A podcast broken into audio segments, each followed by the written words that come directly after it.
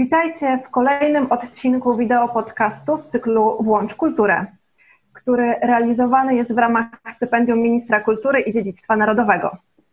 Te i kolejne odcinki możecie wysłuchać i zobaczyć między innymi na YouTubie, Facebooku i Spotify. Tematem dzisiejszej rozmowy jest kultura bez barier, czyli jak tworzyć kulturę dostępną dla osób z niepełnosprawnościami. A dzisiejszymi gośćmi są Anna Żurawska, prezeska i współtwórczyni Fundacji Kultury Bez Barier, ekspertka dostępnych wydarzeń. Od 12 lat działa na rzecz udostępniania kultury osobom z różnymi niepełnosprawnościami, szczególnie wzroku i słuchu.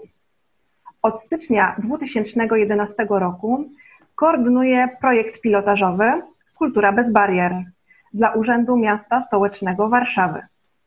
Od 2011 roku prowadzi szkolenia z zakresu audiodeskrypcji oraz obsługi osób z niepełnosprawnością. Autorka audiodeskrypcji do wielu tekstów kultury, między innymi filmów i spektakli teatralnych. Ekspertka w projekcie Małopolska Kultura Wrażliwa Urzędu Marszałkowskiego Województwa Małopolskiego i Małopolskiego Instytutu Kultury. Ekspertka w zespole sterującym do programu Ministerstwa Kultury i Dziedzictwa Narodowego Infrastruktura Domów Kultury na zaproszenie Narodowego Centrum Kultury. Współautorka wytycznych w sprawie dostępności wydarzeń dla miasta stołecznego Warszawy. Członkini Rady Dostępności przy Ministerstwie Funduszy i Polityki Regionalnej. Inicjatorka kolektywu Otwartej Kultury. Pomysłodawczyni i założycielka sieci liderek i liderów dostępności, wspierającej koordynatorów i koordynatorki dostępności z całej Polski. Cześć Aniu. Cześć Magdalena. Witaj e, Agata i dzień dobry Marta. E, I drugim gościem jest Agata Sztorc, edukatorka, animatorka kultury, historyczka sztuki, pasjonatka polskiego języka migowego, kuratorka programu edukacyjnego oraz koordynatorka dostępności Galerii Labirynt w Lublinie. Członkini Stowarzyszenia Otwieracz. Prowadzi warsztaty edukacyjne dla dzieci, młodzieży, dorosłych i osób z niepełnosprawnościami. Realizuje szkolenie dla nauczycieli, edukatorów oraz przygotowuje interaktywne wystawy sztuki współczesnej dla dzieci i młodzieży. Koordynatorka wielu projektów, w tym także tych poświęconych tematowi dostępności. Między innymi Dotknij tego, co widzę, Sztuka pełna zmysłów, Spacery, Pokazywanie miasta. Wykładowczyni na Uniwersytecie Marii Curie-Skłodowskiej w Lublinie współpracowniczka Instytutu Psychologii Katolickiego Uniwersytetu Lubelskiego, którym prowadzi badania percepcji sztuki współczesnej, współautorka artykułów naukowych, stypendystka prezydenta miasta Lublin. W 2019 roku otrzymała medal prezydenta miasta Lublin za działalność skierowaną do osób z niepełnosprawnościami wzroku. Laureatka Nagrody Żurawie Lubelskie Wyróżnienia Kulturalne 2017 w kategorii Animator Kultury. Cześć Agata. Cześć, witajcie. Witam Was bardzo serdecznie. Strasznie się cieszę, że przyjęłyście zaproszenie do naszego spotkania, e, zwłaszcza kiedy będziemy rozmawiać dzisiaj o dostępności wydarzeń kulturalnych dla osób e, z różnymi typami niepełnosprawności. E, I nie ukrywam, nie byłabym sobą, gdybym nie zaczęła naszego spotkania i naszej rozmowy od pytania, jaka jest Wasza definicja e, osoby wykluczonej, osoby mm, z niepełnosprawnością i wykluczenia? Jaka jest Wasza definicja, taka pochodząca z Waszego doświadczenia, z Waszej pracy zawodowej? Aniu. Która z nas pierwsza? Proszę. tak jak sobie właśnie myślałam o tym pytaniu wcześniej, to dla nas Fundacji Kultury Bez Barier wykluczenie oznacza brak zaproszenia. To, że jesteśmy niemile widziani, E, często słyszymy z różnych ust, że niepełnosprawność nie jest sexy. E, w związku z tym trochę niefajnie jest współpracować przy osobach z niepełnosprawnością. E, więc gdybym miała tak króciutko to powiedzieć właśnie niechciani, niezaproszeni. Mhm. Agata?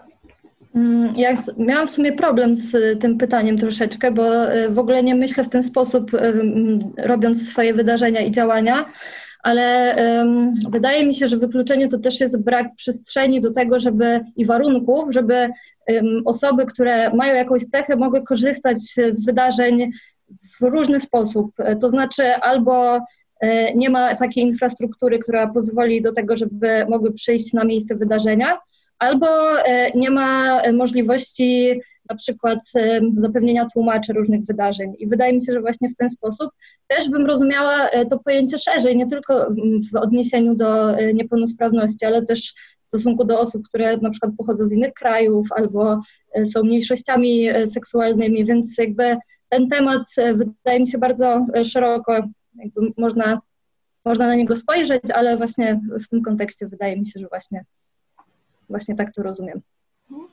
E, mam wrażenie, że e, coraz więcej mówi się na szczęście o dostępności kultury, wydarzeń e, różnego typu dla osób z niepełnosprawnościami.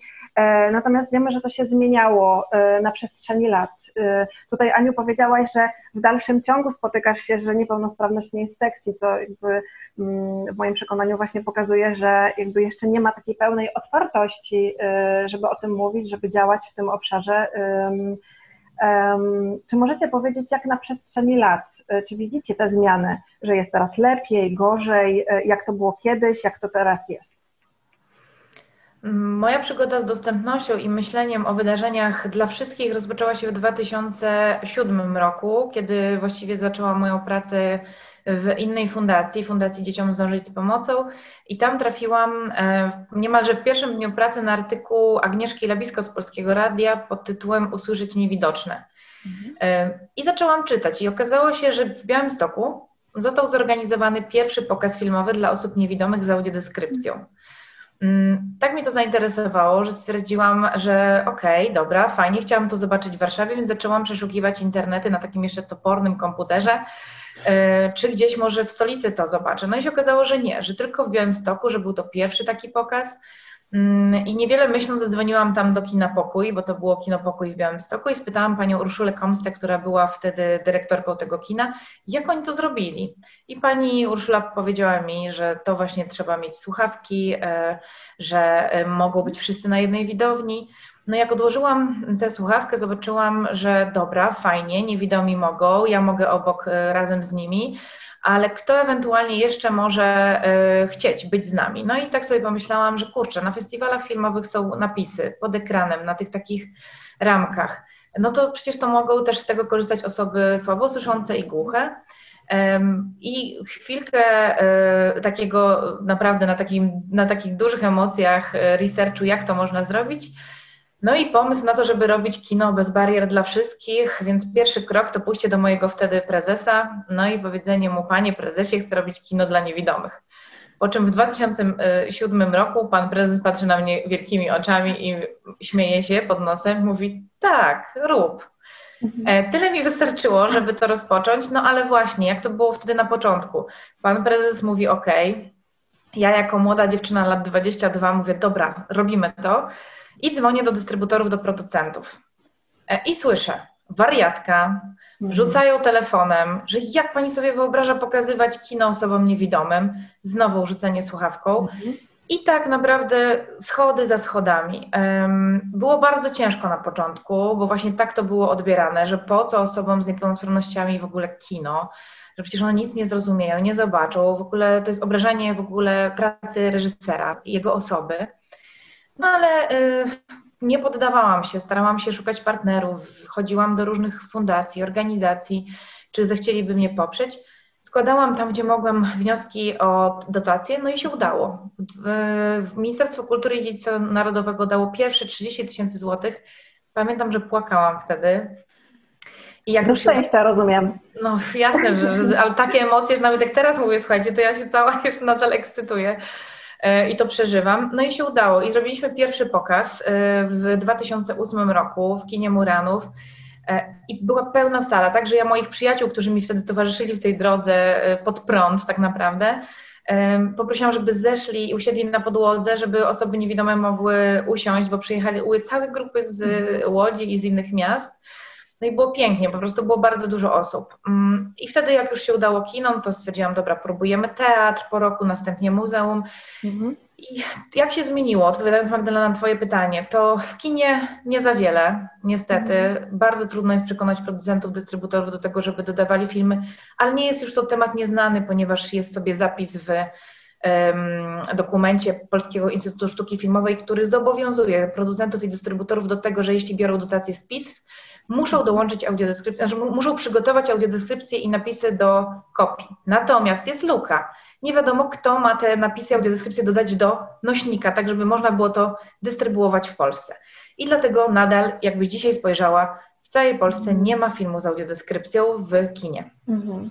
Teatry. Teatry jest to bardzo zamknięta um, i bym powiedziała hermetyczne środowisko. Bardzo trudno jest przekonać twórców w teatrze do tego, żeby z um, łaski swojej zgodzili się na to, żebyśmy tam weszli i zrobili audiodeskrypcje i napisy, albo postawili tłumacza języka migowego z naszych środków, w sensie naszych pozyskanych znowu z Ministerstwa Kultury. E, I bardzo ciężko jest nam e, cokolwiek e, tak naprawdę otrzymać z tych instytucji. Jest to dla nas wielki ból, bo do teatru bardzo chcą chodzić osoby z niepełnosprawnością, zwłaszcza wzroku, żeby poczuć też tę atmosferę teatru, to, że ten, ten teatr jest żywy i jest bardzo ciężko. E, I tutaj niestety takiego bezpośredniego zapisu żadnego w prawie nie ma. E, I nie wiadomo, co z tym zrobić, żeby jeszcze bardziej zachęcić teatry. Jest bardzo ciężko. I mhm. teraz już dochodzę sobie do mojego ukochanego obszaru i tego, gdzie spotkałam Agatę, czyli właśnie ludzi, muzeów, galerii. To jest w ogóle najwspanialszy obszar w kulturze. Tam są ludzie po prostu, którzy mają serducho po właściwej stronie. To jest właśnie Agata, więc po prostu tak się cieszę, że tutaj usłyszałam, że nagrodę prezydenta dostała za działalność dla osób z niepełnosprawnością wzroku. Agata, przy okazji gratuluję, po prostu absolutnie zasłużone, bo to wy, y, ten obszar w kulturze jest najbardziej zaangażowany, najszerzej działający, przekraczający różne bariery i tak naprawdę dzięki muzeum, galeriom jest bardzo dużo już w Polsce wydarzeń dostępnych y, dla osób z różnymi niepełnosprawnościami i du dużo fajnych rozwiązań, nawet takie, które nas zachwycają, bo my gdzieś jak jeździliśmy, szkoliliśmy tam od 2011 roku, no to ja pamiętam, to były pierwsze kroki, jak mówiliśmy o tej dostępności.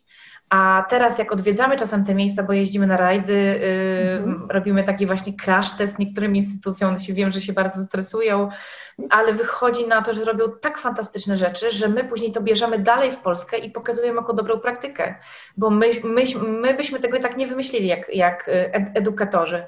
Więc ja tutaj z wielkim uznaniem dla wielu ludzi kultury, właśnie z y, tej przestrzeni muzealnej, z galerii, bo to są ludzie do y, czerpania inspiracji, tam są dobre praktyki. Jeśli ktokolwiek chce zaczynać, to niech zaczyna właśnie tam, choćby właśnie z, w galerii Labirynt od Agaty.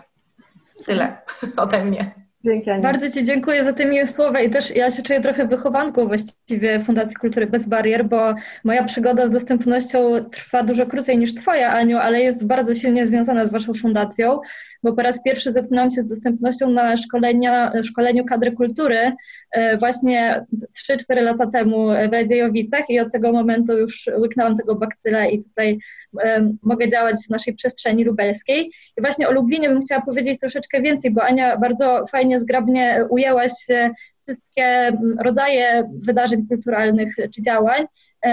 A ja może z perspektywy bardziej takiej lokalnej chciałabym powiedzieć o tym, co się zmieniło w Lublinie w ciągu tych ostatnich trzech lat. E, I tutaj mam bardzo optymistyczne wieści, jest dużo lepiej. Zaczęliśmy e, działać we współpracy też z Urzędem Miasta i programowo w zeszłym roku zostały przeszkolone e, instytucje miejskie oraz e, organizacje pozarządowe właśnie przez Fundację Kultury Bez Barier. Mieliśmy dwa szkolenia, jedno na miejscu jeszcze zanim rozpoczęła się pandemia, druga część szkoleń była już zdalnie dla koordynatorów dostępności E, jest naprawdę dużo lepiej, o czym świadczy między innymi to, że jest bardzo ciężko teraz e, zaklepać tłumacza w Lublinie języka migowego. To jeszcze trzy lata temu e, nie było zbyt dużym problemem. Lublin też jako małe miasto ma tak naprawdę dwie tłumaczki, które współpracują z instytucjami kultury, Teraz już trzeba naprawdę z bardzo dużym wyprzedzeniem dzwonić do nich i prosić o współpracę, bo wszystkie instytucje zaczęły właśnie działać w tym obszarze, więc to jest bardzo dobry wniosek, wydaje mi się. Też bardzo dobry, jeśli chodzi o środowisko osób głuchych, które już nie muszą chodzić na jedno wydarzenie tylko dlatego, że tam jest tłumacz, tylko mogą sobie wybrać. I wynikiem tego jest to, że troszkę mniej osób przychodzi na poszczególne wydarzenia, ale zakładam, że po prostu te zainteresowania się tak rozkładają, że no, wybierają sobie, gdzie mogą przyjść, więc jest naprawdę dużo lepiej. E, każda instytucja ma już koordynatora dostępności, też musi mieć ze względu na ustawy, ale e, cieszę się, że faktycznie tak jest. E, my w Lublinie też działamy dosyć kolektywnie, jeśli chodzi o koordynatorów dostępności, bo się bardzo często spotykamy ramienia urzędu, ale też mamy bardzo dużo NGO-sów, które zaczęły włączać właśnie dostępność w swój program. E, I, e, no i myślę, że będzie coraz lepiej. Jest, jest naprawdę lepiej e, w ciągu tych ostatnich kilku lat. Myślę, że najwięcej jest wydarzeń jednak skierowanych do osób głuchych, ze względu na to, że mm, po pierwsze to środowisko głuchych to było pierwsze środowisko, które w Lublinie wyszło i zaczęło mówić o swoich potrzebach do nas. W 2017 roku był Lubelski Kongres Kultury, podczas którego Justyna Kieruzalska, przedstawicielka środowiska osób głuchych, właśnie miała panel dotyczący tego, że właśnie w Lublinie się niewiele dzieje, jeśli chodzi o e, dostępność dla osób głuchych, słabosłyszących.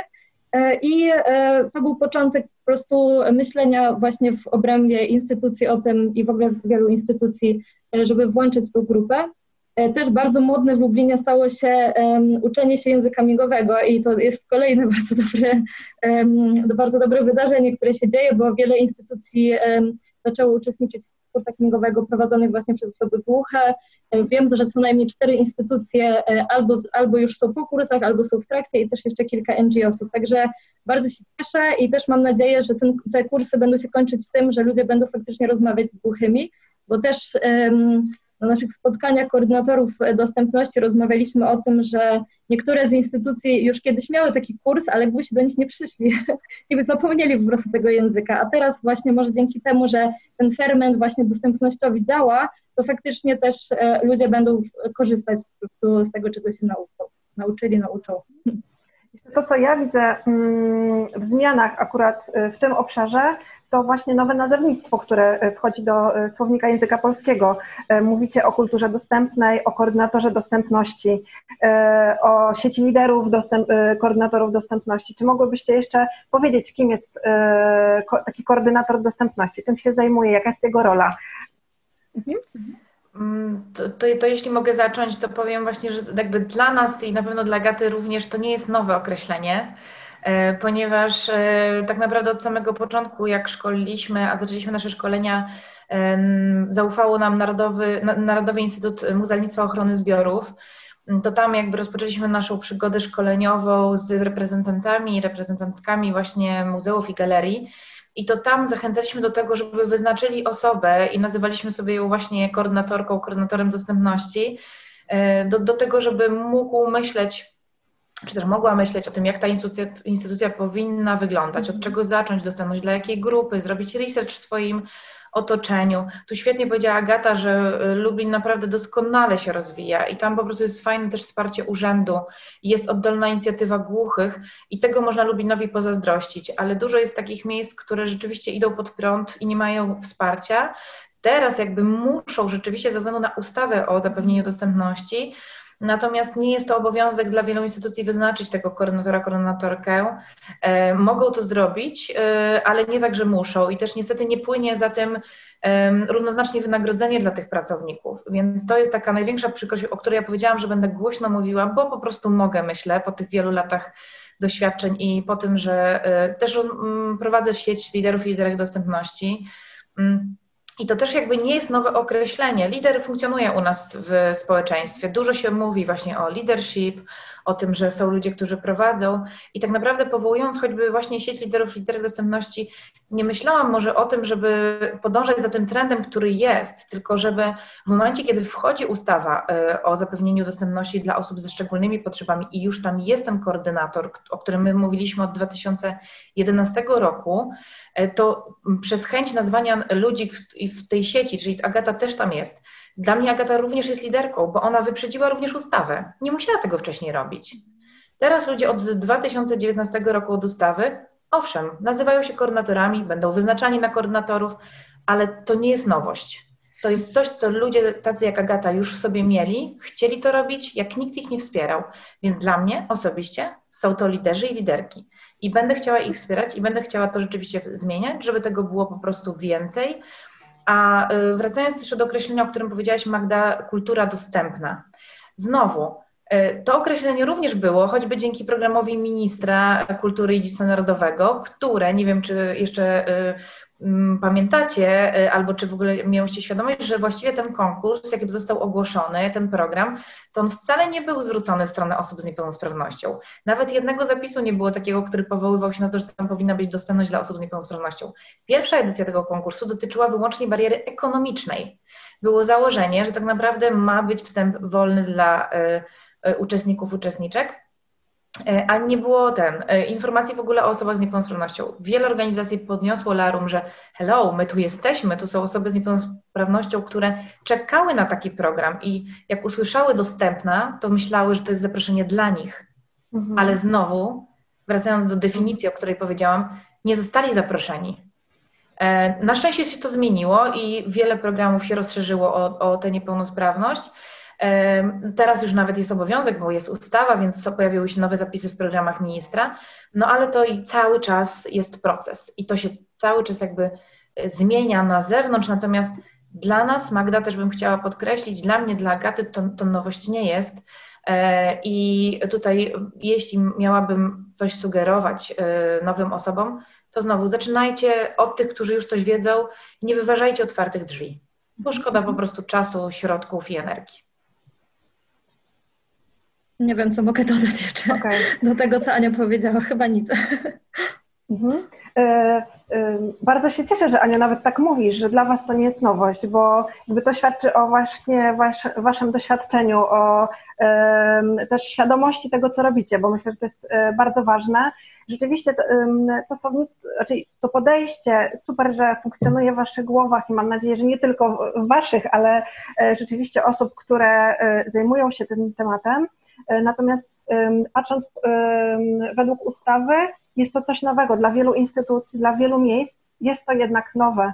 E, I w tym kontekście, jak zaznaczyłaś to, za co bardzo Ci dziękuję, pomyślałam sobie o czymś takim, o takiej pewnej trudności, e, która może wypłynąć z takiego mm, jakby na siłę narzucania ustawą, że właśnie nie będzie się to wiązało z dodatkowym wynagrodzeniem albo w ogóle mm, zapewnieniem etatu albo pół etatu dla danej osoby, tylko będzie to troszeczkę po macoszemu traktowane na zasadzie ktoś, kto ma jeszcze siły przerobowe, to mu się to wrzuci, no bo jest ustawa i, e, i musi to być, tak? Komuś w obowiązkach to trzeba, komuś do obowiązków trzeba to dorzucić. Czy wy widzicie jeszcze jakieś trudności albo mm, takie zagrożenia, tego, że ta ustawa w ten sposób e, i w takim wymiarze weszła. Ona z jednej strony jest dobrze, dobra, ponieważ nas e, jako społeczeństwo przygotowuje, pokazuje, że jest to potrzebne, e, że jest to nawet niezbędne, można by było powiedzieć w dzisiejszych czasach, ale z drugiej strony podejście wielu instytucji, wielu osób może być takie, jak powiedziałam. Czy wy widzicie jeszcze jakieś inne zagrożenia związane z tym, że to jest tak w wielu miejscach będzie narzucone z góry, a nie będzie wpływało tak oddolnie, jak w waszych przypadkach?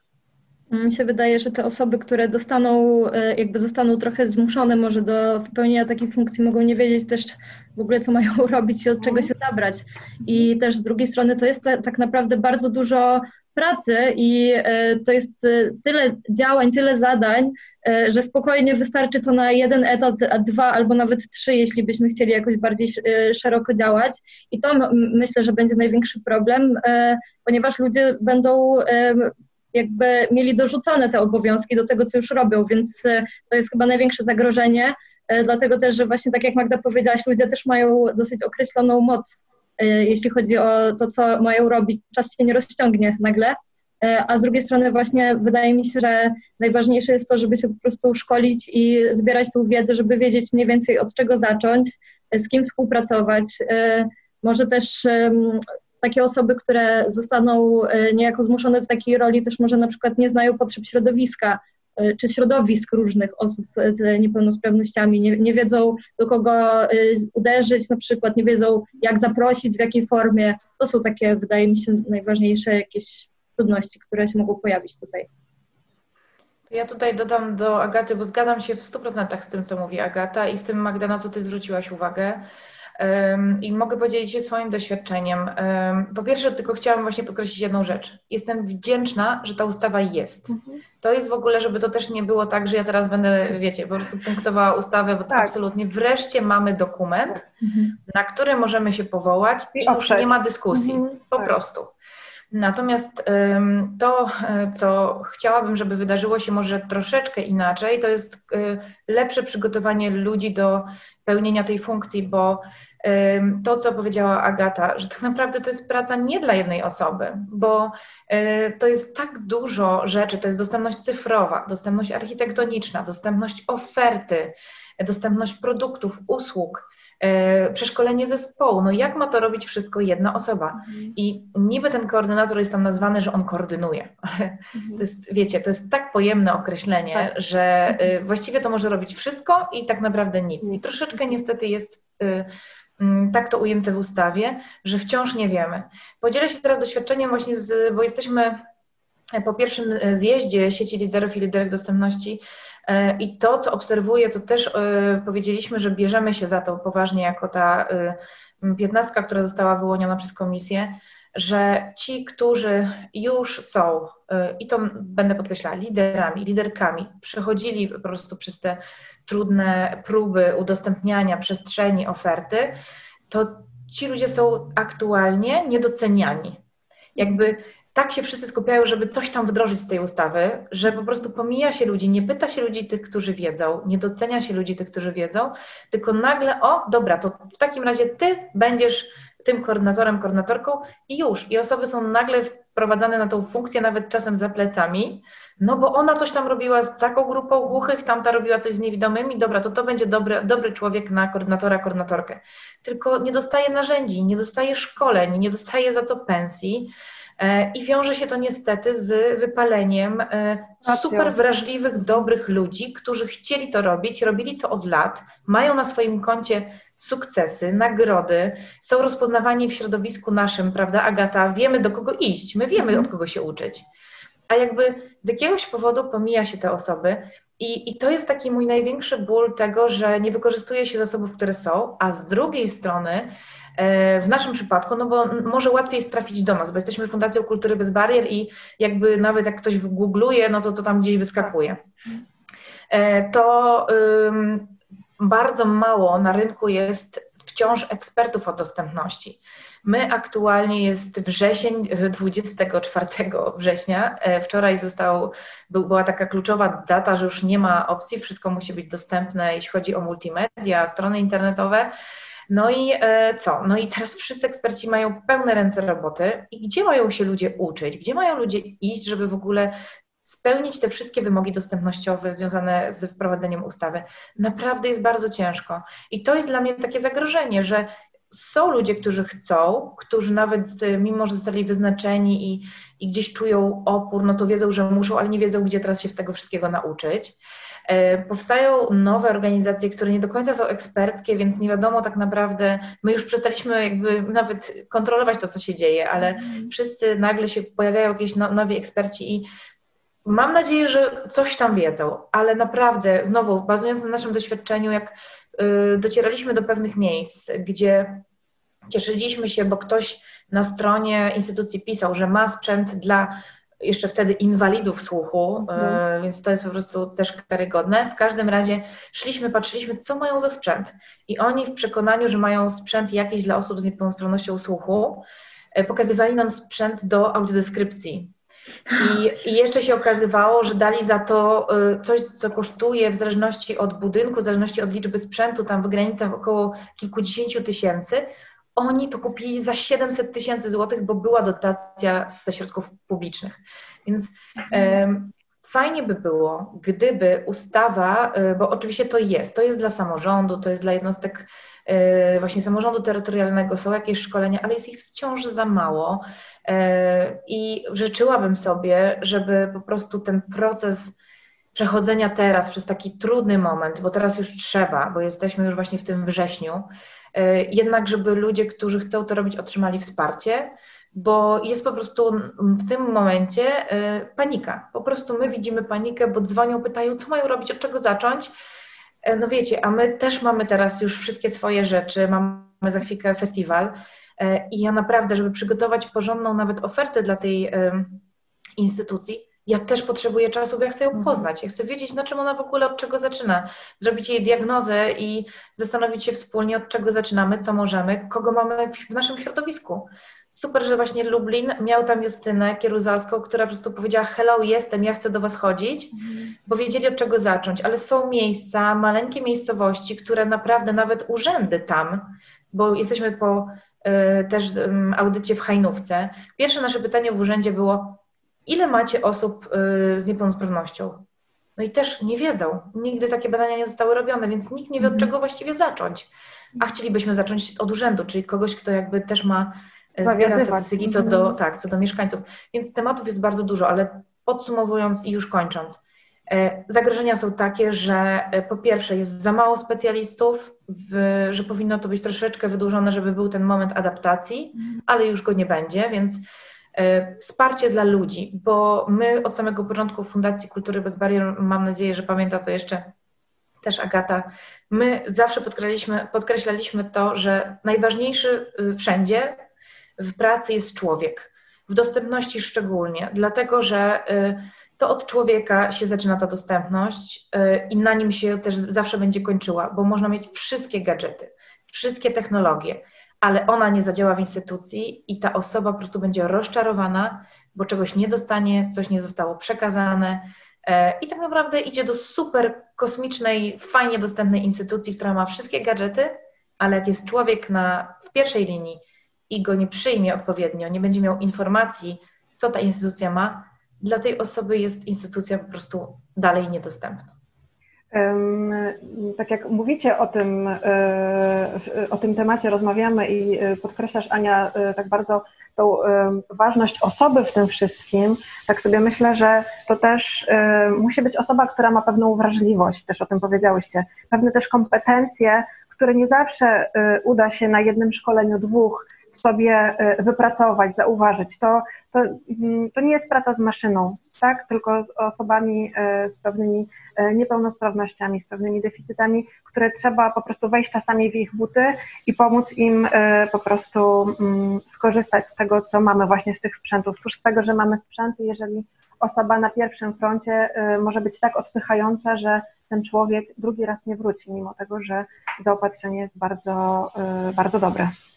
To ja się też wydaje... Jedno, jedno słowo tylko i właśnie chcę oddać głos Agacie. To tylko prośba ogromna, Magda, żeby nie używać tego słowa deficyt, bo naprawdę osoby okay. z niepełnosprawnością e, raczej nie lubią tego określenia bardzo. Mhm. Natomiast o tym, jaką ścieżkę musi przejść człowiek i jak się rozwija, to dla mnie to jest temat dla Agaty. Ja bym chciała jej tutaj oddać głos. Okej. Okay. To jest twoja ja bym, chciała, ja bym też chciała powiedzieć o tym, że też osoba, która się zajmuje tym tematem, no ja mówię z punktu widzenia osoby, która pracuje w instytucji, to musi być też osoba, która jest dosyć silna, jeśli chodzi o um, egzekwowanie pewnych rzeczy, dlatego że w momencie, kiedy instytucja decyduje się w pewnym momencie na to, żeby e, taka osoba miała ważną rolę e, i żeby ta dostępność faktycznie była realizowana, to jest tak naprawdę zmiana struktury organizacyjnej całej instytucji i ta osoba ma rolę, która jest i wdzięczna i niewdzięczna jednocześnie, dlatego że dużo mm, procesów, które są już od dawna realizowane w instytucji, muszą być konstruowane na nowo. Trzeba myśleć o nowych rzeczach.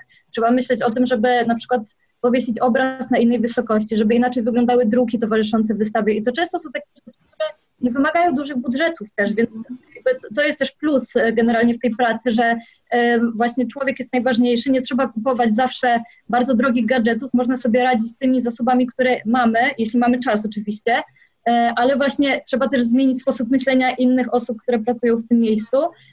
Trzeba zmienić ich podejście do tego, w jaki sposób używać języka, żeby nie był on wykluczający i trzeba też, co jest super ważne, przeszkolić osoby pierwszego kontaktu, dlatego że koordynator dostępności prawdopodobnie to nie będzie ta osoba, która siedzi w kasie i która jako pierwsza zobaczy, że przyjdzie ktoś głuchy i wpadnie w panikę, bo nie wie, co ma robić. Tylko to będzie osoba, która siedzi w biurze i ma jakieś inne rzeczy do pracy, więc wydaje mi się, że to jest super istotne też właśnie, żeby nie tylko ta jedna osoba wiedziała, co ma robić, tylko też e, pozostałe osoby, zwłaszcza te, które właśnie jako pierwsze są spotkane w tym momencie. E, jeśli chodzi o e, szkolenia i o sposób rozwijania się, to też jest um, taka przestrzeń, w której można, w której zawsze coś jest jeszcze do zrobienia. Ja się już tym zajmuję kilka lat i cały czas mam poczucie, że nie mam tej rzeczy zrobionej, nie mam tej, nie mam tej. Zawsze na pewno też warto szukać tego, co mamy lokalnie i też to bardzo podkreślam, dlatego że E, my zostaliśmy w Lublinie przeszkoleni przez e, Fundację Kultury Bez Barier, ale mamy też wielu specjalistów na miejscu. Mamy uniwersytety tutaj, które robią wspaniałą robotę, jeśli chodzi na przykład o materiały tyflograficzne czy o audiodeskrypcję. Ostatnio nam się udało zorganizować e, jako stowarzyszenie Otwierać właśnie warsztaty z audiodeskrypcji też dla pracowników instytucji NGO, które było prowadzone przez specjalistkę y, wykładającą na kulu. Więc y, wydaje mi się, że mm, osoby, które są z troszkę większych miejscowości, gdzie działają uniwersytety, czemu się nie zwrócić do takich osób, prawda? To też jest na pewno duże ułatwienie. Wydaje mi się, że też trudne jest na samym początku, zwłaszcza dotarcie do grupy osób zainteresowanych, czyli do osób z niepełnosprawnościami, zwłaszcza jeśli nie zrzeszają się oni w jakieś na przykład stowarzyszenia. E, I tutaj też e, wspomniałam wcześniej o tym, że właśnie w Lublinie bardzo mocno są skierowane działania e, do osób głuchych, dlatego że oni bardzo chętnie się spotykają, korzystają też z tych wydarzeń jako z okazji do spotkania się po prostu na żywo, zwłaszcza teraz po, w trakcie czy w trakcie pandemii, tak, ale na przykład ciężko jest dotrzeć do osób niewidomych w Lublinie, które z kolei już e, nie tak chętnie zbierają się jakby w jedno miejsce i no właśnie czasami tak jest, że robimy wydarzenie i nie wiemy jak zaprosić e, te osoby, albo na przykład już zapewniamy wszystko, promujemy i no, nikt nie przychodzi. To jest też trochę takie, może być demotywujące, zwłaszcza na początku. E, więc dobrze jest robić takie rozeznanie w, w tym środowisku lokalnym, jeśli chodzi o różne strony, bo może się okazać, że jest ktoś, kto naprawdę nam pomoże w tym i, i się możemy dużo dowiedzieć.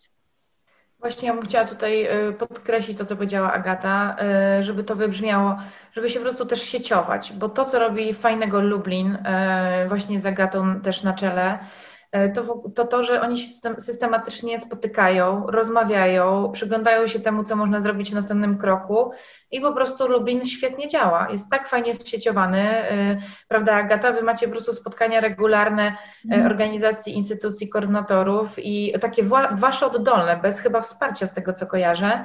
I to jest niezwykłe. I ty powiedziałaś, Magda, o tej y, wrażliwości.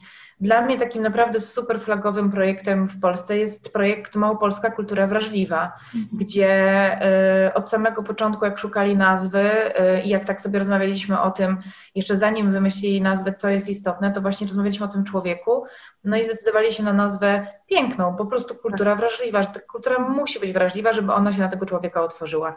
Y, I tam też jest to, co y, tutaj jest w Lublinie y, u Agaty, czyli też jest sieciowanie. Tam y, odpowiedzialność wziął Urząd Marszałkowski, teraz Małopolski Instytut Kultury i regularnie szkoli osoby, które się zgłosiły, które zostały ewentualnie wyznaczone na koordynatorów dostępności. Tam jest wsparcie z góry. I to mhm. naprawdę jest olbrzymia pomoc dla tych ludzi. E, oni się sieciują, oni zakładają stowarzyszenia, są po prostu znakomici. Bardzo dużo właśnie e, osób z Małopolski jest w tej 15 sieci liderów i liderek dostępności. Są to fantastyczni ludzie. E, I jakby to, to trzeba robić. Trzeba się po prostu spotykać, bo też fajną rzecz tutaj powiedziała Agata. Jak docierać, jak z jednymi się udało, z drugimi nie ale jak już są te fora, y, gdzie możemy się spotkać, przegadać, to nagle się mhm. okazuje, że ktoś ma rozwiązanie, ktoś tak. po prostu jemu się udaje i pytanie, jak wykorzystamy ten zasób, może nawet y, pójdziemy na, do tej instytucji, której się udało, się przedstawimy, bo to jest raz, że wrażliwość, musimy mieć wrażliwość, ale musimy mieć też um, cierpliwość na pewno, jako koordynatorzy i koordynatorki dostępności, żeby się nie zrażać, E, i e, żeby być przede wszystkim konsekwentnym, czyli nawet jeśli nie przyjdzie e, ktoś na dane wydarzenie albo przyjdzie jedna osoba, to w tym trwać, bo wiecie, najpiękniejsze w tej dostępności to jest to, i dla mnie to jest taka definicja naj, najpełniejsza, że mamy wybór. Mhm. Bez tego wyboru, no to tak naprawdę dla nas też by było niedostępne. My, jak zamknęliśmy się w domach przez COVID, no mhm. to sorry, ale to było dla nas wszystko niedostępne. To, to za czym tęskniliśmy, to co kochaliśmy, czyli przestrzeń, ludzie, wystawy, energia na sali, e, zostało nam to zabrane i stało się to dla nas tak naprawdę niedostępne. Wciąż, wciąż z trudem e, czerpiemy z tego, więc jakby to jest bardzo ważne, żeby mimo tego, że ludzie nie przychodzą, nie rezygnować, być konsekwentnym, bo choćby na moim przykładzie, y, jak zaczynałam w tym 2008 roku, to premiera była super, już powiedziałam o tym, ludzi pełno. No ale później przyszła y, ta regularność, bo mówię, nie odpuszczam, robię raz w miesiącu i wiecie, jak już nie było tych fajerwerków, mhm. tortów, znanych ludzi na otwarcie, to przychodziła jedna osoba, mhm. dwie, i zastanawialiśmy, co mamy z tym robić, no bo to wszystko kosztowało. Tyle ludzi wokół dostępności pracuje, prawda, Agata, żeby się coś jednego mhm, udało. Mm, tak. To jest zespół ludzi. To nie jest tak, że to jest tam ja, Żurawska, czy też pewnie Agata, tylko to jest sztab ludzi, mm. tłumaczy, kogoś, kto pisze audiodeskrypcję, kogoś, kto obsługuje sprzęt, kogoś, kto później obsługuje ludzi. Więc naprawdę to jest bardzo dużo rzeczy, które trzeba po prostu połączyć, ale trzeba być naprawdę cierpliwym, wrażliwym i to, co powiedziała Agata, yy, o tym obniżaniu obrazów, czuwaniu nad tym, żeby zostały obniżone, e, żeby być uważnym. My naprawdę, jak już bierzemy odpowiedzialność za, e, odpowiedzialność za dostępność, no to musimy mieć cały czas taką lampkę zapaloną, że kurczę, dobra, muszę się temu przyjrzeć na etapie projektowania, planowania, żeby coś nie wyszło, ale fajnie by było, e, o czym też wspomniała Agata, żeby ten zespół, który jest z nami w instytucji, chciał z nami pracować. Bo co z tego, że my się nagadamy, że coś znajdziemy, jeśli nie będziemy mieli wsparcia zespołu. I to jest to, y, co po prostu musi się, co musi zaklikać, żeby była ta dostępność. Mhm. Koordynator, zespół, wsparcie i konsekwencja. Mam wrażenie, że jesteśmy w takim e, temacie e, kompetencji, cech, które powinny, powinny e, posiadać osoby, które współpracują z osobami z niepełnosprawnościami, typu właśnie koordynator dostępności, czy osoby, że tak powiem, na pierwszej linii frontu, które mają ten pierwszy kontakt z tymi osobami. I myślę sobie też o takiej cesze, jak otwartość na informację zwrotną, bo wydaje mi się, czy też mam takie wyobrażenie, że jak to w życiu bywa, nie popełnia błędów ten, kto nic nie robi, więc może zdarzyć się tak, że czegoś e, nie zauważymy, możemy czegoś nie wiedzieć i fajnie zbierać i mieć taką otwartość w sobie na ten feedback z, od środowiska osób, które zapraszamy, żeby móc się właśnie rozwijać i e, udoskonalać te wydarzenia i te działania, które są organizowane. Oczywiście, że może tak być, że się nagle coś okaże, o czym nie pomyśleliśmy wcześniej. My mieliśmy na przykład kiedyś taką sytuację, że był wykład tłumaczony na język migowy. No i wszystko super, musi przyszli, tłumaczka sobie siedzi na sali, ale nie przewidzieliśmy tego, że e, osoba prowadząca będzie puszczała na koniec film i nagle gasną światła, film leci, a tłumaczka siedzi w ciemności. Więc jakby takie sytuacje się naprawdę dzieją i to jest nauczka, którą, której nie zapomnę do końca życia, e, ale też dlatego o tym mówię, żeby właśnie się nie zrażać, prawda? Bo często tak jest, że czegoś nie umiemy, zwłaszcza na początku, albo że właśnie nie dostaniemy jakiejś informacji. A jeśli chodzi jeszcze o zespół, to sobie też tak myślę, że ważna jest też w szkoleniach regularność, dlatego że e, zespół się zmienia. I osoby, które były na przykład u nas w instytucji w listopadzie, teraz zostały troszeczkę wymienione na inne i one już na przykład nie były przeszkolone, więc warto jest też dbać o to, żeby cały czas pewien taki, mm, mm pewna taka podstawa właśnie, e, może właśnie takiego savoir vivre z osobami, wo, wobec osób z niepełnosprawnościami, warto, żeby była po prostu powtarzana regularnie e, co jakiś czas, albo też pogłębiana, jeśli jest taka potrzeba w instytucji. No, to też tak mi się wydaje, że to jest ważne. E, I zaczęłyście mówić e, trochę o promocji wydarzeń kulturalnych dostępnych dla osób z niepełnosprawnościami. Czy mogłybyście rozwinąć ten temat? W jaki sposób promować, w jaki sposób dochodzić do tych osób, szukać ich, bo tak jak mówicie, nie wszystkie są rzeczywiście zrzeszone w różnych stowarzyszeniach, grupach, e, fundacjach. Czasami są one bardzo rozproszone, a też byśmy e, chcieli ich zaprosić. W jaki sposób? Jakie macie sprawdzone metody, czy wasze zespoły do tego, żeby takie osoby znaleźć, zaprosić i jak wypromować takie wydarzenia? chyba zależy, co robimy i do, kogo to jest skierowane, bo każda grupa też ma swoje kanały, którymi um, się komunikuje ze sobą. No wiadomo, że jeśli robimy wydarzenie dla osób e, głuchych, słabosłyszących, to musimy ich zaprosić w formie wideo w ten sposób, żeby e, było to zaproszenie w polskim języku migowym.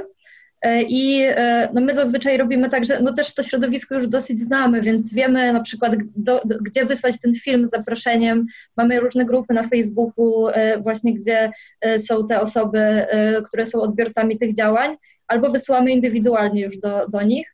Jeśli chodzi o osoby niewidome, no to um, kiedy ja robiłam różne projekty, to najłatwiej mi było dotrzeć albo do szkół, e, w których e, właśnie się uczą e, dzieci, młodzież z niepełnosprawnościami wzroku, albo uniwersytety. Chociaż są też stowarzyszenia, więc wydaje mi się, że w pierwszej kolejności na pewno trzeba szukać właśnie stowarzyszeń, właśnie albo, albo właśnie uniwersytety. Mm, jeśli chodzi o osoby z niepełnosprawnościami intelektualnymi, no to tutaj ośrodki różne, domy pomocy społecznej, warsztaty terapii zajęciowej, tego typu miejsca. A jeśli chodzi o osoby z niepełnosprawnościami ruchu, to tutaj właściwie, no właśnie, ja na przykład nie wiem, czy w Lublinie jest taka organizacja, która zrzesza takie osoby. One po prostu przychodzą indywidualnie bardziej, więc na przykład jeśli chodzi o takie osoby, nie mam odpowiedzi. Więc to naprawdę zależy. A jeszcze Ciebie, Agata, dopytam przy tym wątku, bo powiedziałaś, że przygotowujecie na przykład filmy, tak, y, z tłumaczeniem y, na polski język migowy, a przy innych typach y, niepełnosprawności w jaki sposób jeszcze przygotowujecie materiały? Czy na coś trzeba szczególnie zwrócić uwagę?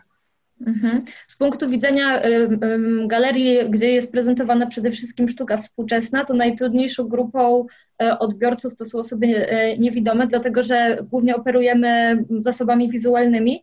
E, więc jeśli chodzi o tę grupę, no to przygotowujemy materiały tyflograficzne, czyli takie, które są odtworzeniem pracy która jest na wystawie e, i można ją odczytać za pomocą wzroku. I tutaj jest to bardzo szerokie pole działania, bo można zrobić to samemu, można to też zamówić bardziej profesjonalnie. Na przykład właśnie na Kulu jest e, pracownia adaptacji materiałów dla osób niewidomych i tam można już zamówić falsze też materiały. To w naszym przypadku akurat e, jest troszkę bez sensu, bo mamy wystawy, które trwają miesiąc, więc raczej sobie radzimy swoimi zasobami. E, audiodeskrypcja, e, podobnie tutaj można zrobić to też na dwa sposoby, albo ją wcześniej napisać i nagrać, albo też um, mówi, mówić ją na żywo, kiedy ktoś przyjdzie na wystawę i my też to robimy na żywo, dlatego właśnie, że wystawy mamy czasowe. Jeśli chodzi o osoby słabowidzące, no to staramy się, żeby teksty, które są towarzyszące wystawie, podpisy do prac były wykonane w czarnodruku, żeby były dużą czcionką, żeby miały tą czcionkę, która nie ma takich ozdobników, żeby y, się dobrze mo mo można było je odczytać. Um, więc, więc y, w ten sposób. E, czasami tak jest, że um, kiedy na przykład na wystawie są prezentowane filmy, to artyści się nie zgadzają, żeby tam dodać polskie napisy, dlatego że to rozbija formę filmu. I to jest taki problem, z którym się w ostatnim czasie zwłaszcza mierzymy, dlatego że dużo filmów właśnie wideo jest pokazywanych na wystawie.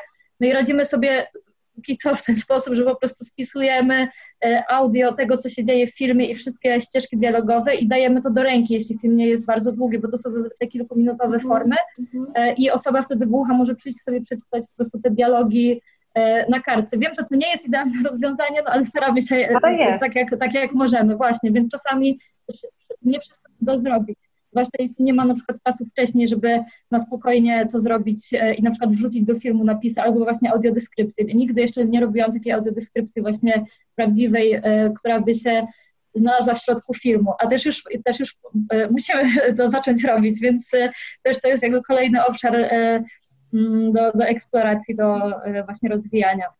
Dla osób z niepełnosprawnościami intelektualnymi też powinien być przedprzewodnik, czyli taki taki, taka książeczka krótka, opis tego, jak wygląda krok po kroku e, zakup biletu, jakie są przestrzenie w instytucji. I taką książeczkę mamy. Ją napisał nasz pierwszy koordynator dostępności, Rafał, jest jeszcze trzy lata temu i ona nadal jest aktualna jest do pobrania na naszej stronie, tak żeby osoby, e, które e, właśnie mają niepełnosprawności intelektualne, mogły się wcześniej zapoznać i na spokojnie sobie przejść przez całą drogę w galerii. Więc tak, tak mniej więcej mam nadzieję, że wyczerpałam temat tutaj. Mhm. Ja jeśli mogę powiedzieć, to wiecie co, ja, ja, ja wiem, że zawsze jestem emocjonalna, ale jak ja słucham Agaty, to ja po prostu czuję dumę, bo to jest w ogóle niezwykłe, co tu się po prostu zadziało i dzieje tam, że y, Agata to wszystko tak zbiera i fajnie robi i szuka rozwiązania i daje y, fantastycznie radę. No, Kobieto, jestem z Ciebie absolutnie dumna. I Ale to też dzięki Wam wiem. Robicie genialną robotę. I jeszcze do tego jedną tylko rzecz, bo oczywiście ze wszystkim się zgadzam, ja tutaj prawie nie, mogę, nie mam co powiedzieć, mm, to tylko powiem, e, jak szukać ludzi, w sensie e, też o swoim doświadczeniu, to zrobić porządny research, w sensie takim, że zaczynamy od grupy, którą chcemy zaprosić. Nie zaczynamy od wydarzenia, które chcemy zrobić, tylko od grupy, którą chcemy zaprosić. Bo może się okazać, że zrobimy to dla e, nikogo, E, bo sobie my coś zaprojektowaliśmy w głowie, że chcemy to i to. E, I do tego zachęcam, że e, ja zanim zrobiłam ten pokaz, to po prostu wychodziłam wszystkie możliwe ścieżki do wszystkich organizacji w Warszawie, głuchych, niewidomych.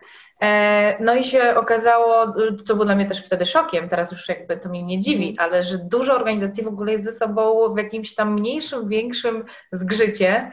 E, I to też było wyzwanie, jak to pogodzić, żeby, wiecie, i to też, to też się z tym spotkacie, więc jeśli ktoś rozpoczyna swoją drogę, to sprawdźcie swoje środowisko, zastanówcie się, jak to zrobić fajnie i dobrze. Nie zrażajcie się też tym, że właśnie ktoś ma z kimś zgrzyt, no bo robimy wtedy krok y, jeden do tyłu i mówimy hello, my to robimy instytucje kultury, my to robimy ofertę kulturalną, kto chce, to przychodzi. My dajemy wybór, znowu o tym wyborze.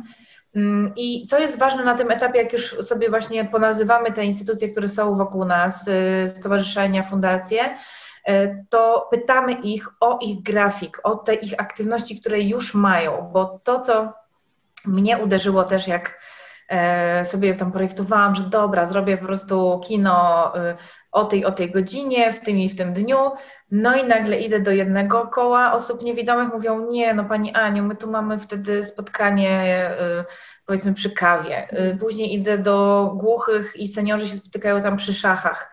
No ja nie mogę w ten wybrany dzień, który oni mają od lat zakodowany na spotkanie towarzyskie, swoje, nagle z butami w duszę, że ja tu robię dostępność, więc proszę Państwa brać, tak? To wcale tak nie działa, więc y, tym bardziej w mniejszych miejscowościach, no bez tego się nie obędzie. To musi być zawsze w dialogu z publicznością mhm. E, i pytać, pytać, pytać. Lepiej zadać pytanie jedno, nawet co do którego czujemy pewną nieśmiałość, niż nie zadać go wcale, e, bo wtedy po prostu znajdziemy rozwiązanie albo wspólnie, albo znowu wracamy do tego, co już tutaj nieraz padło, żeby korzystać z tego, że ktoś przetarł te szlaki, że ktoś już wcześniej był tam przed nami i e, szczerze doceniać tego kogoś, m, ponazywać. Bardzo mi, mi, się podoba to też, co powiedziała przed chwilą e, Agata. Bardzo cenię sobie to w ludziach, że e, podkreślają, kto na przykład coś opracował, kto w tej instytucji był pierwszy, tu padło imię Rafała Lisa, ale często się zapomina na tej ścieżce i w naszej dostępności w tym procesie, że ktoś przetarł te szlaki, więc tu jest dla mnie bardzo fajna, dojrzała postawa e, Agaty. E, I tego bym sobie życzyła też w innych regionach, żeby doceniać człowieka, bo najłatwiej tego człowieka po prostu e, wypalić. I, I o tym musimy pamiętać. Więc w promocji to, co powiedziała Agata, idziemy, pytamy, rozmawiamy, y, pytamy o ich grafiki, to co u mnie się właśnie sprawdzimy. Nie przejmujemy się tym, jeśli są tam gdzieś podzieleni i ktoś tam z kimś ma zgrzyt, bo mamy robić dostępną kulturę, ale zawsze w dialogu. I to, co jeszcze też powiedziała Agata, musimy przyjrzeć się bardzo dobrze temu, jaki materiał, jakie zaproszenie przygotować i też na jaki kanał je wypuścić, bo y, dostępność stron internetowych, no teraz mamy ustawę ale jeszcze do niedawna było tak, że w ogóle nikt się tym nie przejmował, że te strony internetowe e, powinny być dostępne. Dlaczego? Dlatego, że każda osoba z niepełnosprawnością, zresztą szczerze, my też. My, żeby rozpocząć przygodę z jakąś instytucją kultury, żeby sobie pomyśleć o tym, że dobra, dzisiaj po prostu szperam w internecie, chcę iść do kina z przyjaciółmi, to szperam w internecie, no, to tam szukam tej informacji, tam się rozpoczyna ta przygoda z uczestnictwem w kulturze. No nie możemy o tym zapomnieć, więc pierwsza strona internetowa i odpowiedni kanał, a o tym już powiedziała Agata, więc nie będę powtarzać. Ja jeszcze powiem coś, e, odnosząc się jeszcze Ania do tego, co Ty też powiedziałaś, że warto jest też zbierać dobre praktyki wewnątrz instytucji, bo wtedy tworzy się coś takiego, czy w organizacji, jak pamięć instytucji, bo w momencie, kiedy następuje jakaś roszada, to osoba, która przychodzi później wie po prostu już, co się udało zrobić, a co nie i na co jest jeszcze przestrzeń, więc to też jest może taka wskazówka dla osób, które zaczynają, żeby sobie to gdzieś wszystko zbierać e, w jedno miejsce i żeby to po prostu zostało później. Przepraszam, muszę to powiedzieć. Ja to ukradnę. Ta pamięć instytucji mi się bardzo podoba. Oczywiście o dobrych praktykach się tyle mówi, ale pamięć instytucji jest bardzo fajnym określeniem, więc już mówię, że będę mówiła na szkoleniach. Jasne. E, właśnie też chciałam to podkreślić, że przy tej mobilności e, osób, zmiany pracy, miejsca zamieszkania, bo ta praca też wiąże się czasami, nawet często w naszym pokoleniu ze zmianą miejsca zamieszkania jest bardzo, e, bardzo ważna, żeby właśnie zostawiać tą, te informacje, które już e, zostały zdobyte, które zostały już e, zebrane, żeby znowu, tak jak mówicie, nie zaczynać od początku, żeby nie wyważać otwartych drzwi, tylko być może zaktualizować, przypatrzeć się temu, ale już nie trzeba zaczynać od początku. I jeszcze, jeśli mogę, Magda, jeszcze jedną rzecz, która jest bardzo fajna i widzę, że jeszcze instytucje o sobie tak nie myślą. Mhm. E, to, żeby wykorzystywać ten potencjał tego, że są już tam te dobre praktyki, że tam jest super człowiek i żeby uruchomić wizyty studyjne, e, nie muszą one się odbywać między krajami. Bo naprawdę, jak, jak e, chcieliśmy tam zaprosić jedną z instytucji, żeby pokazała, bo wiemy, że jest fajna, dostępna, że tam jest fajny człowiek, że w ogóle mają fajne mm, rozwiązania dostępnościowe, i mówię, słuchaj Magda, y, przygotuj mi ofertę, z chęcią pokażę właśnie Was, y, żeby do Was pójść na wizytę studyjną. A Magda, ale ja, u nas wizyta studyjna?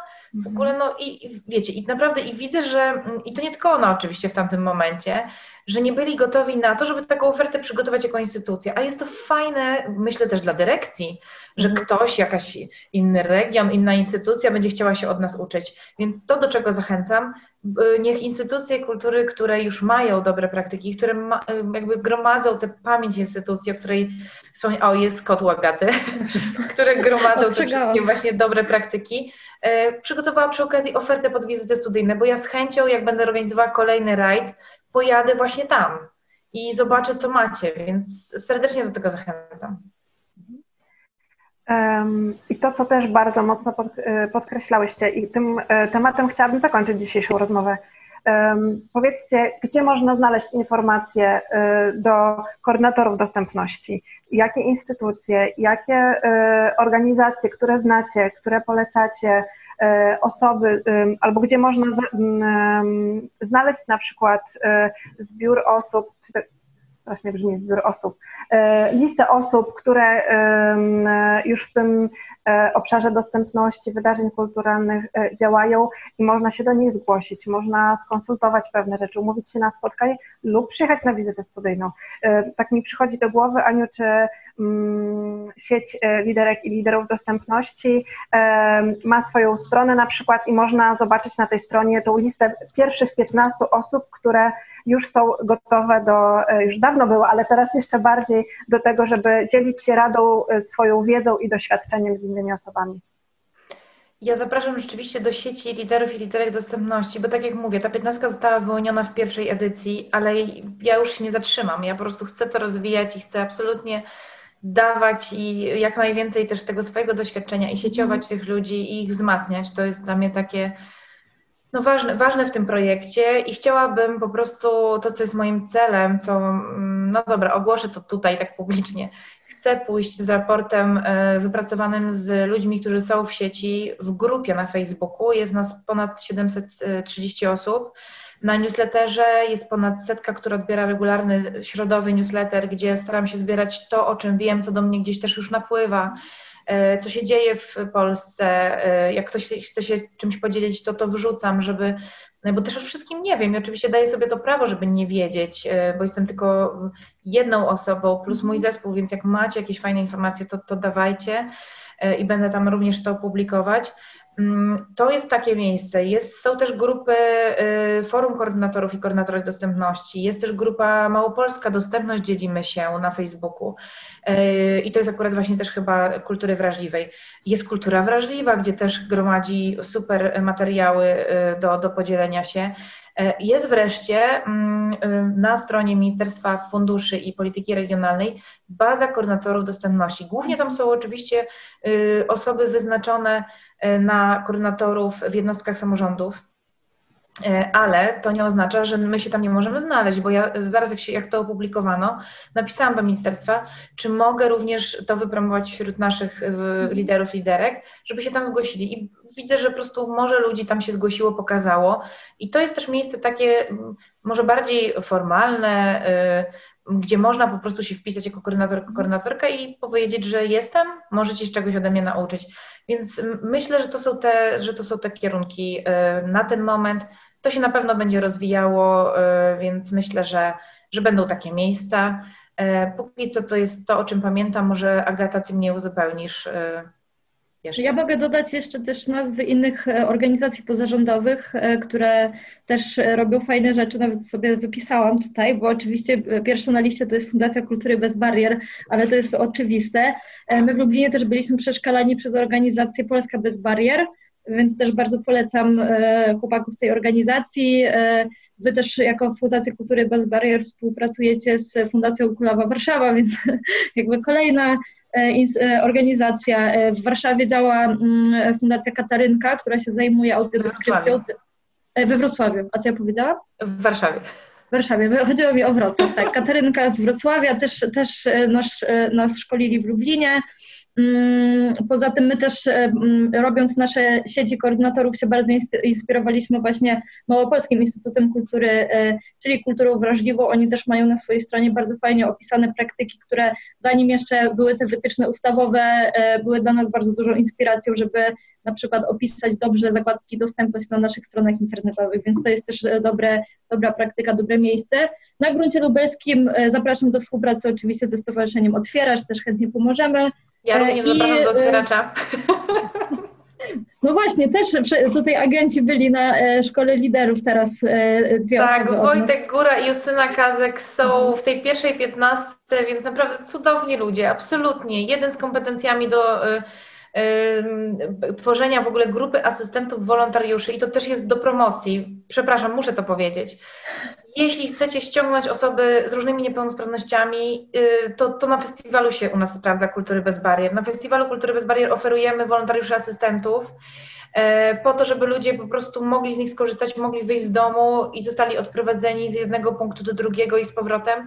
I to naprawdę wpływa na frekwencję. Więc jeśli myślicie o tym poważnie, to myślę, że Wojtek Góra właśnie ze Stowarzyszenia Otwieracz będzie przecierał te szlaki i będzie tworzył bardzo mądre rozwiązania, więc zapraszam tam. No i Justyna Kazek oczywiście. Już nic nie mówię. Ja w sumie już chyba skończyłam. Jeszcze też właśnie mogę polecić e, Centrum Aktywizacji Osób z Niepełnosprawnością KUL. Tam pracuje profesor Bogusław Maryk, który jest profesjonalistą i wynalazcą różnych rozwiązań e, związanych właśnie z osobami niewidomymi. Także tam można się u niego zaopatrzyć w różne narzędzia służące do tworzenia materiałów tyflograficznych, książek, map. E, bardzo dużo rzeczy tam jest bardzo ciekawych. No i, no i chyba tyle. Takie to są pierwsze miejsca, które mi przychodzą do głowy, więc. E, mhm. To właśnie jest bardzo trudne, wiesz, Magda, wymienić wszystkich i być ja w tym e, fair i uczciwym. E, ja się tego zawsze boję. Boję się w ogóle zabierać za takie rzeczy, no bo to jest też, no wiadomo, że kogoś, kogoś urażę, kogoś nie docenię, prawda?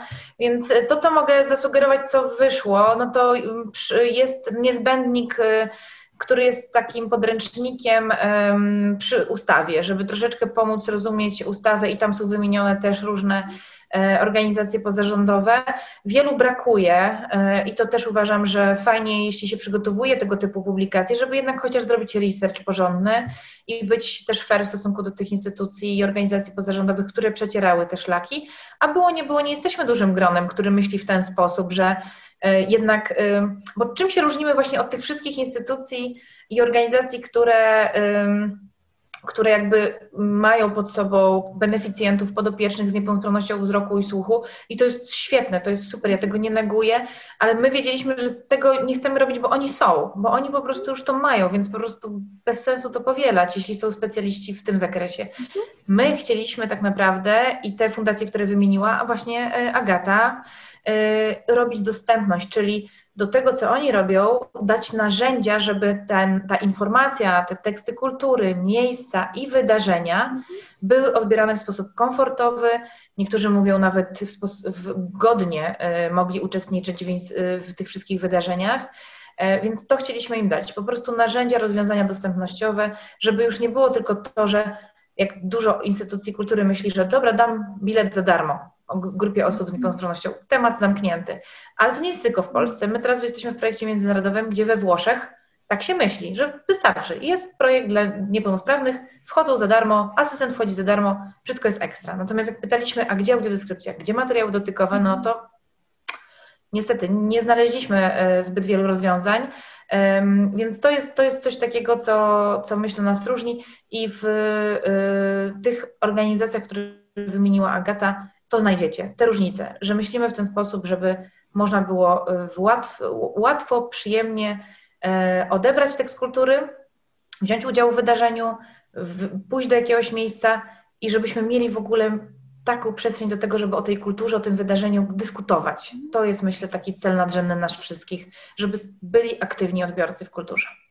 To jeszcze dodam jako gospodarz tego spotkania, że instytucje, które Ty, Aniu, wymieniłaś, Agato, to jest taki pierwszy krok y, z instytucji, które w tym momencie byłyście w stanie wymienić. Oczywiście to nie jest to, że to są najlepsze i jedyne instytucje, to jest po prostu pierwszy krok, który możecie wykonać, żeby e, zacząć e, z dostępnością wydarzeń kulturalnych. Wierzę w to, że zarówno Agata, jak i Ania i osoby z danych instytucji będą mówiły Wam o kolejnych miejscach, instytucjach i ludziach, które będą mogły Was wesprzeć po prostu e, w dostępności, więc nie faworyzujemy, tylko wskazujemy pierwszy kierunek, pierwszy krok, do którego, który możecie pokonać, zrobić, żeby Wasze wydarzenia kulturalne były coraz bardziej dostępne. E, więc ja ze swojej strony Wam e, serdecznie dziękuję, e, a całość rozmowy tłumaczyły dla Państwa na polski język migowy Karolina Bocian i Marta Jaroń. Dziękujemy bardzo Magda i dziękujemy Dzięki dziewczyny bardzo. za tłumaczenie. Agata, wielka przyjemność dla mnie, że z Tobą w duecie. Ogromna. Nawzajem, bardzo się cieszę. Dziękuję za zaproszenie, dziękuję za tłumaczenie. Super spotkanie, bardzo przyjemnie mi było Was zobaczyć i porozmawiać o tych ważnych rzeczach. Mam nadzieję, że to nie nasze ostatnie spotkanie. Ja też mam taką nadzieję. Ja też mam tak. Bardzo Wam dziękuję.